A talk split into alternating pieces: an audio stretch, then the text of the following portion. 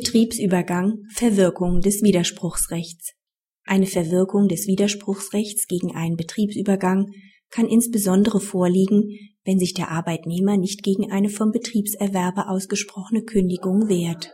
Der Geschäftsbereich, in dem der Arbeitnehmer beschäftigt ist, wird im Wege des Betriebsübergangs auf eine neu gegründete Tochtergesellschaft übertragen. In der Unterrichtung der Arbeitnehmer gemäß 613a Absatz 5 BGB heißt es unter anderem, dass das neue Unternehmen mit einem guten Eigenkapital ausgestattet ist und über eine hohe Liquidität verfügt. Der Arbeitnehmer erhebt gegen den Übergang seines Arbeitsverhältnisses zum 1.11.2004 keinen Widerspruch. Im August 2005 wird zunächst ein Insolvenzverfahren über eine zum Konzern gehörende Tochtergesellschaft eröffnet.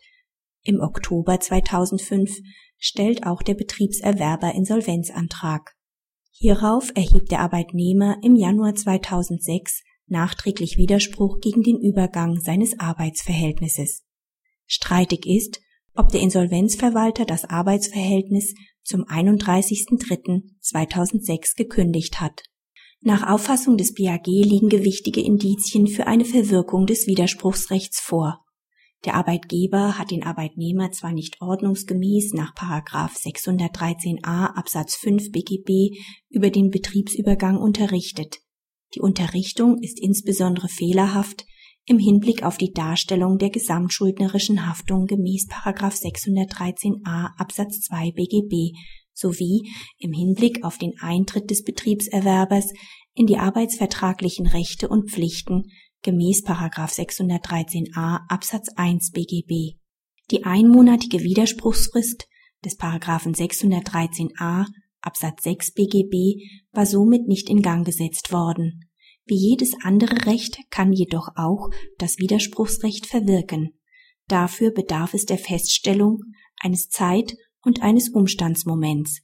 Abzustellen ist dabei auf die konkreten Umstände des Einzelfalls. Allerdings genügt es für eine Verwirkung noch nicht, wenn der Arbeitnehmer bei dem Betriebserwerber widerspruchslos weiterarbeitet. Im vorliegenden Fall ist jedenfalls das Zeitmoment bei einem Zeitraum von über 15 Monaten zwischen Betriebsübergang und Widerspruch erfüllt. Bei der Berechnung des Zeitmoments gibt es weder feste Anknüpfungspunkte noch feste Berechnungsfristen. Vielmehr ist das Zeitmoment in Wechselwirkung zu dem jedenfalls erforderlichen Umstandsmoment zu bestimmen. Im vorliegenden Fall kann die erhebliche Zeitspanne insbesondere im Hinblick auf die dem Arbeitnehmer bereits im August 2005 bekannte Insolvenz des Tochterunternehmens und den Insolvenzantrag des Betriebserwerbers im Oktober 2005 einen rechtlich relevanten Vertrauenstatbestand zugunsten des Arbeitgebers begründen. Dies würde insbesondere gelten, wenn der Insolvenzverwalter das Arbeitsverhältnis ordentlich gekündigt und der Arbeitnehmer sich dagegen nicht zur Wehr gesetzt hätte. Ob dies der Fall gewesen ist, muss die Vorinstanz noch aufklären. Praxishinweis. Das Urteil macht deutlich, wo die Grenzen der Ausübung des Widerspruchsrechts liegen, selbst wenn der Arbeitnehmer nicht ordnungsgemäß unterrichtet wurde. Arbeitnehmer können demnach nicht darauf vertrauen, ein ewiges Widerspruchsrecht zu haben. Geht der Erwerber in die Insolvenz, muss ein möglicher Widerspruch unverzüglich danach ausgeübt werden. Das Gleiche dürfte gelten, sofern nach dem Betriebsübergang Umstände bekannt werden, die erheblich von den zunächst mitgeteilten Informationen des Veräußerers abweichen.